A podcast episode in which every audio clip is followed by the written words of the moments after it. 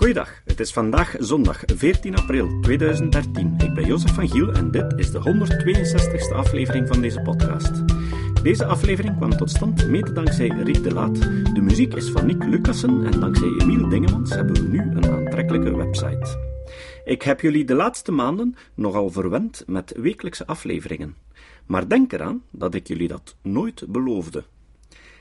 En ik vrees dat het de komende weken weer wat rustiger zal gaan. De komende paar weken moet je niet te veel verwachten. Maar geen paniek, in mei mag je weer nieuwe afleveringen verwachten. Vandaag gaan we verder met het tweede deel van Waarom ik geen christen ben door Bertrand Russell. Het karakter van Christus. Ik wil nu een paar dingen zeggen over een onderwerp waarvan ik denk dat het niet voldoende is behandeld door rationalisten, en dat is de vraag of Christus de beste en wijste van alle mensen was. Meestal wordt het vanzelfsprekend aangenomen dat dat zo is.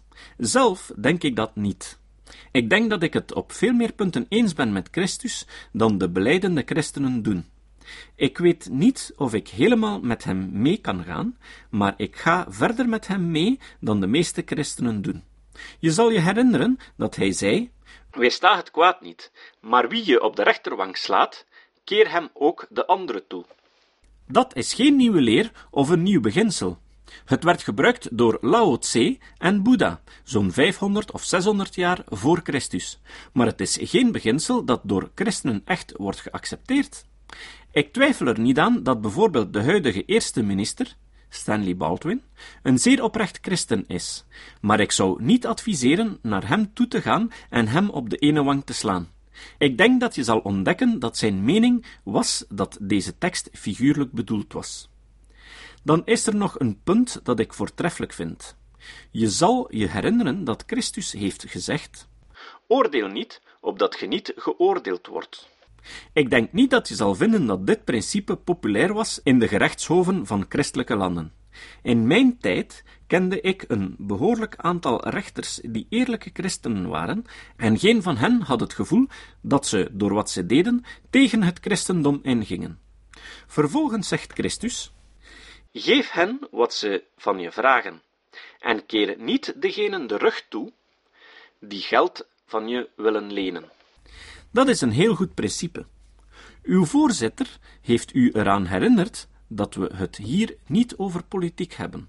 Maar ik kan het niet helpen dat ik zie dat de laatste algemene verkiezingen werd uitgevochten over de vraag of het wenselijk is je af te keren van hen die van je willen lenen, zodat we moeten aannemen dat de liberalen en conservatieven van dit land bestaan uit mensen die het niet eens zijn met de leerstelling van Christus, omdat zij hem in dit geval beslist met veel nadruk afwezen. Vervolgens is er een andere regel van Christus, waarvan ik denk dat er veel in zit. Maar ik merk nergens aan dat het erg populair is onder sommigen van onze christelijke vrienden. Hij zegt: Als je perfect wil zijn, verkoop dan wat je hebt en geef het aan de armen. Dat is een uitstekende regel, maar, zoals ik zei, het wordt niet erg gepraktiseerd. Dit zijn volgens mij allemaal goede regels, hoewel het moeilijk is je eraan te houden. Ik zeg niet dat ik het zelf naleef, maar voor een christen ligt dat uiteindelijk toch anders. Tekortkomingen in de leerstellingen van Christus. Na te hebben toegegeven dat deze regels prima zijn, kom ik bij zekere punten waarvan ik niet geloof dat je er enige bovenmatige wijsheid of goedheid van Christus, zoals hij is afgeschilderd in het evangelie, in kan vinden. En ik mag hier wel zeggen dat we het niet hebben over de historische vraag. Historisch gezien is het tamelijk twijfelachtig of Christus ooit heeft bestaan. En als hij al bestond, weten we niets van hem af. Daarom houd ik me niet bezig met de vraag naar de geschiedenis, die zeer moeilijk is. Ik houd me bezig met Christus zoals hij uit het evangelie naar voren komt. Neem het evangelieverhaal zoals het wordt gepresenteerd, en daar vinden we een paar dingen die niet van erg grote wijsheid getuigen. Hij dacht bijvoorbeeld beslist dat zijn tweede komst plaats zou hebben in wolken van glorie voor het overlijden van iedereen die op dat moment leefde. Dit wordt door veel teksten bewezen. Hij zegt bijvoorbeeld: Je zal niet alle steden van Israël hebben bezocht tot de mensenzoon is teruggekomen. Vervolgens zegt hij: Er staan hier sommigen die niet zullen gestorven zijn als de mensenzoon in zijn koninkrijk zal aankomen. En er zijn vele plaatsen waar het duidelijk is dat hij geloofde dat zijn tweede komst zou plaats hebben gedurende het leven van degenen die toen leefden. Dat was wat zijn vroegere volgelingen geloofden. En het was de basis van heel veel van zijn morele leerstellingen. Toen hij zei: Denk niet aan morgen. En dingen van die strekking, was dat vooral omdat hij dacht dat zijn terugkomst zeer spoedig zou zijn, en dat alle gewone wereldlijke zaken van geen belang waren.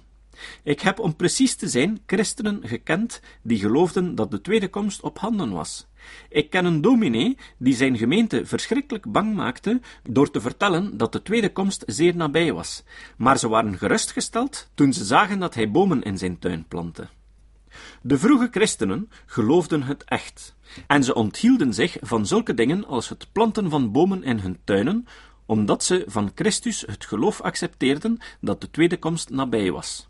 In die zin was hij duidelijk niet zo wijs als sommige anderen waren, en het was zeker geen allesomvattende wijsheid. Het morele probleem. Vervolgens kom je aan het morele vraagstuk. Er is volgens mij een zeer serieuze tekortkoming in het morele karakter van Christus, en dat is dat hij in de hel geloofde.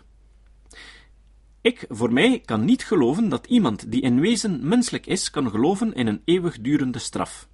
Christus, zoals hij in het evangelie is voorgesteld, geloofde zeker in de eeuwige straf, en je vindt herhaaldelijk een wraakzuchtige woede tegen degenen die niet naar zijn preken wilden luisteren. Een houding die niet ongewoon is onder dominees, maar wat toch wat afdoet aan een alles overtreffende voortreffelijkheid. Zo'n houding is bijvoorbeeld bij Socrates niet waar te nemen. Je ziet dat deze zeer vriendelijk en beleefd is tegen mensen die niet naar hem wilden luisteren. En zo'n gedragslijn is volgens mij een wijze meer waardig dan zich verontwaardigd te gedragen. Iedereen herinnert zich waarschijnlijk het soort dingen dat Socrates zei toen hij stervende was, en het soort dingen dat hij in het algemeen zei tegen mensen die het niet met hem eens waren. In het Evangelie zul je vinden dat Christus zei: Jullie slangen, jullie generaties van addergebroed, hoe kun je aan mijn veroordeling tot de hel ontkomen? Dat werd gezegd tegen mensen die zijn preken niet op prijs stelden. Dat is naar mijn idee niet echt de beste toon. En er zijn veel van dit soort dingen over de hel te vinden. Er is natuurlijk de bekende tekst over de zonde tegen de Heilige Geest. Wie tegen de Heilige Geest spreekt, zal niet worden vergeven, niet in deze wereld, noch in de toekomstige. Die tekst heeft onuitspreekbaar veel ellende in de wereld gebracht, want allerlei mensen beelden zich in dat ze een zonde tegen de Heilige Geest hadden begaan en dachten dat ze zowel in deze als in de komende wereld niet vergeven zouden worden. Ik denk echt niet dat iemand met een enigszins vriendelijke aard dit soort angst en verschrikking in de wereld zou hebben gebracht. Vervolgens zei Jezus: De mensenzoon zal zijn engelen uitzenden, en zij zullen uit zijn koninkrijk alles verzamelen wat tot zonde verleidt, en diegenen die zich verwerpelijk gedragen, en hij zal ze in het brandende inferno werpen. Er zal geweeklaag zijn en tandengeknars. En hij gaat verder over het weeklagen en tandenknarsen. En zo verschijnt het ene vers na het andere, en het is de lezer duidelijk dat er een bepaald genoegen lijkt te worden geschept in het stilstaan bij het klagen en tandengeknarsen, want anders zou het niet zo vaak worden gezegd.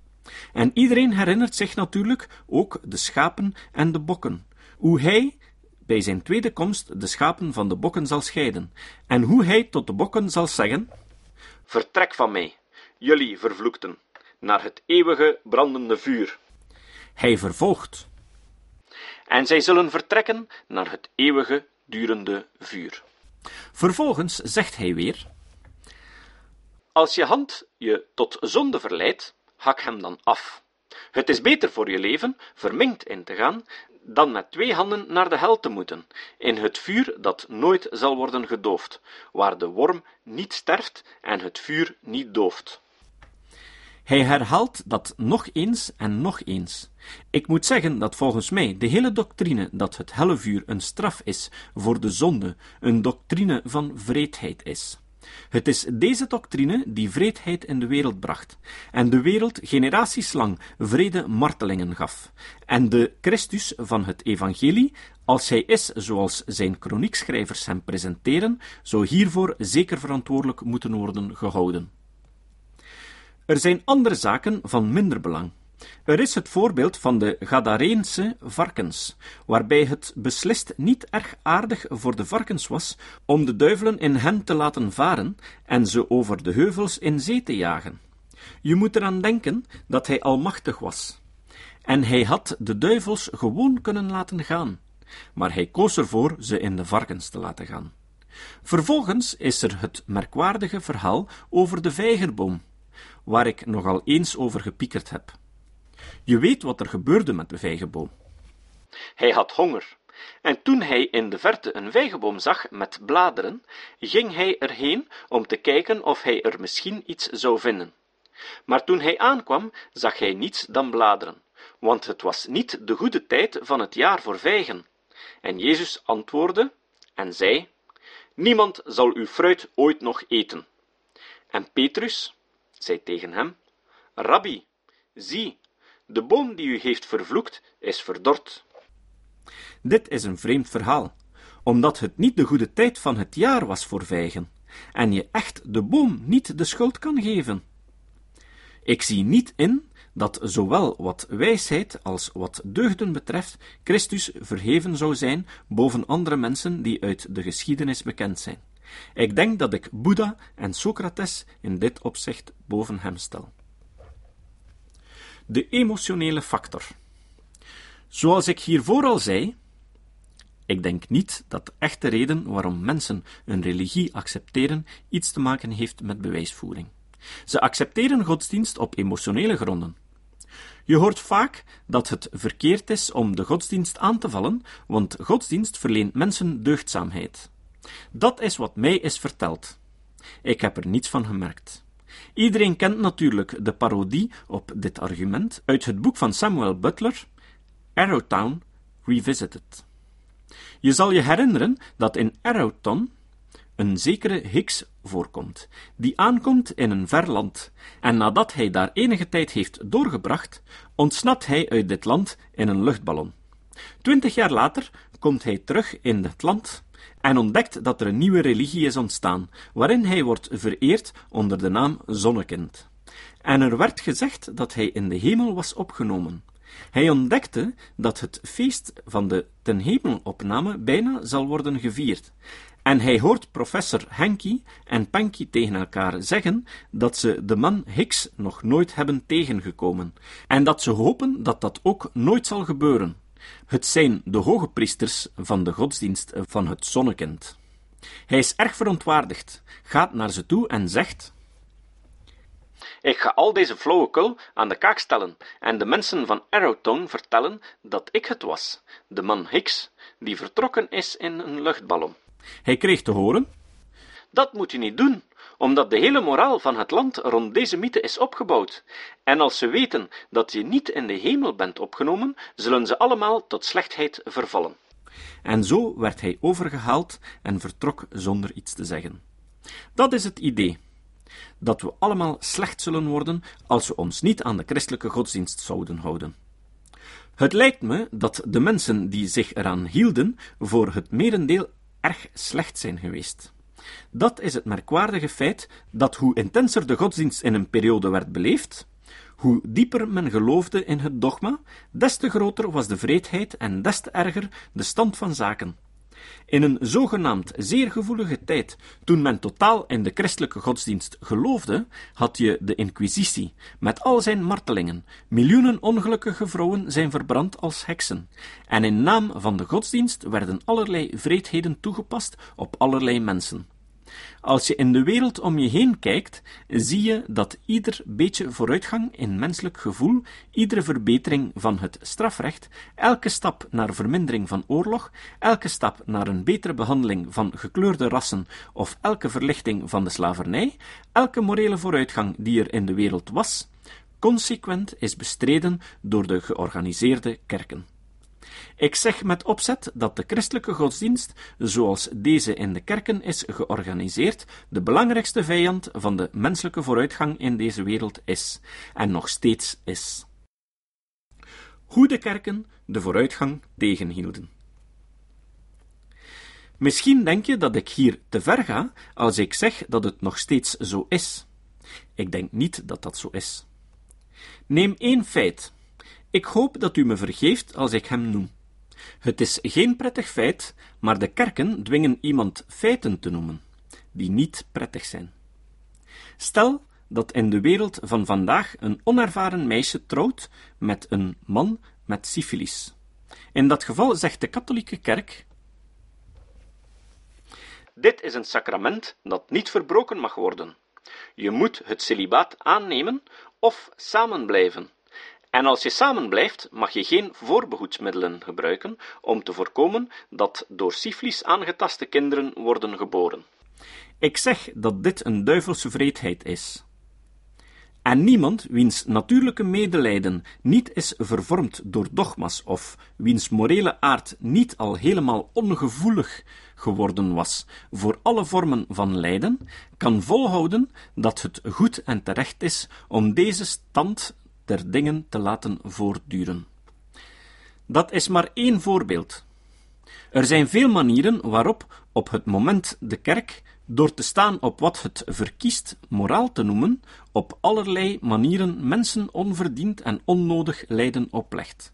En natuurlijk is de kerk, zoals we weten, grotendeels nog altijd een bestrijder van vooruitgang en verbetering van alles wat het lijden in de wereld vermindert. Omdat de kerk ervoor koos een bepaalde, beperkte verzameling gedragsregels tot moraal te bestempelen, die niets te maken hebben met het menselijke geluk, en als je zegt dat dit of dat zo hoort omdat het bijdraagt aan het geluk van de mens, denken ze dat ze er niets mee te maken heeft. Wat heeft het geluk van de mens te maken met moraal? Het doel van de zeden is niet mensen gelukkig te maken. Angst, de basis van de godsdienst. Religie is volgens mij voornamelijk gebaseerd op angst. Het is gedeeltelijk de angst voor het onbekende en gedeeltelijk, zoals ik zei, het verlangen naar een soort oudere broer die je bijstaat in moeilijke tijden en problemen. Angst is de grondslag van de hele zaak. Angst voor het mysterieuze, angst verslagen te worden, angst voor de dood. Angst is de ouder van de vreedheid, en daarom is het geen wonder dat vreedheid en godsdienst hand in hand gaan. Dat komt omdat angst aan de basis ligt van deze twee dingen. In deze wereld zijn we nu een beetje begonnen deze dingen te begrijpen, en het lukt een beetje ze te beheersen. En de hulp van de wetenschap, die zich stap voor stap heeft opgewerkt tegen de christelijke godsdienst, tegen de kerken en tegen het verzet van alle oudere stellingen in. De wetenschap kan ons leren, en ik denk dat onze eigen harten ons kunnen leren, niet langer te zoeken naar ingebeelde steun, niet langer bondgenoten in de hemel te bedenken, maar vooral te kijken naar onze eigen pogingen hier beneden om van deze wereld een betere plaats te maken, in plaats van het soort plaats dat de kerken er tijdens alle eeuwen van hebben gemaakt. Wat we moeten doen. We moeten op onze eigen benen staan en de wereld frank en vrij tegemoet zien. De goede feiten, de slechte feiten, de schoonheden en de lelijkheid. Zie de wereld zoals deze en wees er niet bang voor. Verover de wereld met intelligentie en niet alleen door slaafse onderworpenen te zijn aan de verschrikkingen die met het leven verbonden zijn. Het hele begrip God is een begrip dat is ontleend aan een antiek Oriëntaals despotisme. Het is een begrip dat de vrije mens niet waardig is. Als je hoort hoe mensen zichzelf in de kerken vernederen en hoe ze zeggen dat ze ellendige zondaren zijn en nog veel meer, dan lijkt dit verachtelijk en onwaardig voor zelfrespecterende mensen. We horen op te staan en de wereld open in het gelaat te zien. We horen van deze wereld het beste te maken dat we kunnen. En als het niet zo goed lukt als we zouden willen, dan zal het uiteindelijk toch beter zijn dan wat die anderen er in die eeuwen van hebben gemaakt. Een goede wereld heeft kennis nodig, vriendelijkheid en moed. Ze heeft niets aan vol respect hunkerend naar het verleden of aan het beperken van de vrije intelligentie door woorden die lang geleden zijn geuit door mensen zonder kennis. Deze wereld moet zonder angst zijn en onze intelligentie moet zich vrij kunnen ontwikkelen. Er is hoop voor de toekomst nodig. De wereld heeft niets aan terugkijken naar een verleden dat dood is, en dat naar ons vertrouwen ver voorbij gestreefd zal worden door de toekomst die onze intelligentie kan creëren. Deze tekst heeft twee zeer interessante eigenschappen. 1. Het is bijna 90 jaar geleden geschreven en toch is het nog zo brandend actueel. Vervang misschien wel syfilis door aids en zo. 2. Vervang overal in de tekst christendom door islam, de Bijbel en haar citaten door de Koran en aangepaste citaten en Christus door Mohammed en je kan het perfect toepassen op de islam. Of, als je wil, de religie van jouw keuze. Het citaat. Het citaat van vandaag is van Aldous Huxley. Je weet wel, onder andere de auteur van het science fiction boek A Brave New World en ook kleinzoon van die andere Huxley die Darwins bulldog wordt genoemd. Huxley zei: Ervaring is niet wat met jou gebeurt, het is wat je doet met wat met je gebeurt. Tot de volgende keer. Dit was de podcast Kritisch Denken. Vergeet niet om alles kritisch te behandelen, ook deze podcast. Voor verdere informatie over deze podcast, links en voor de tekst, surf naar www.kritischdenken.info. Als je deze podcast belangrijk vindt, kun je me steunen door anderen warm te maken ook eens te luisteren. Stuur een e-mail naar vrienden met een link naar de website en plaats de link in de handtekening van je e-mails. Tevens kun je op iTunes deze podcast een beoordeling geven of een recensie schrijven. Of je kan op je eigen website of blog een link naar kritisch denken plaatsen.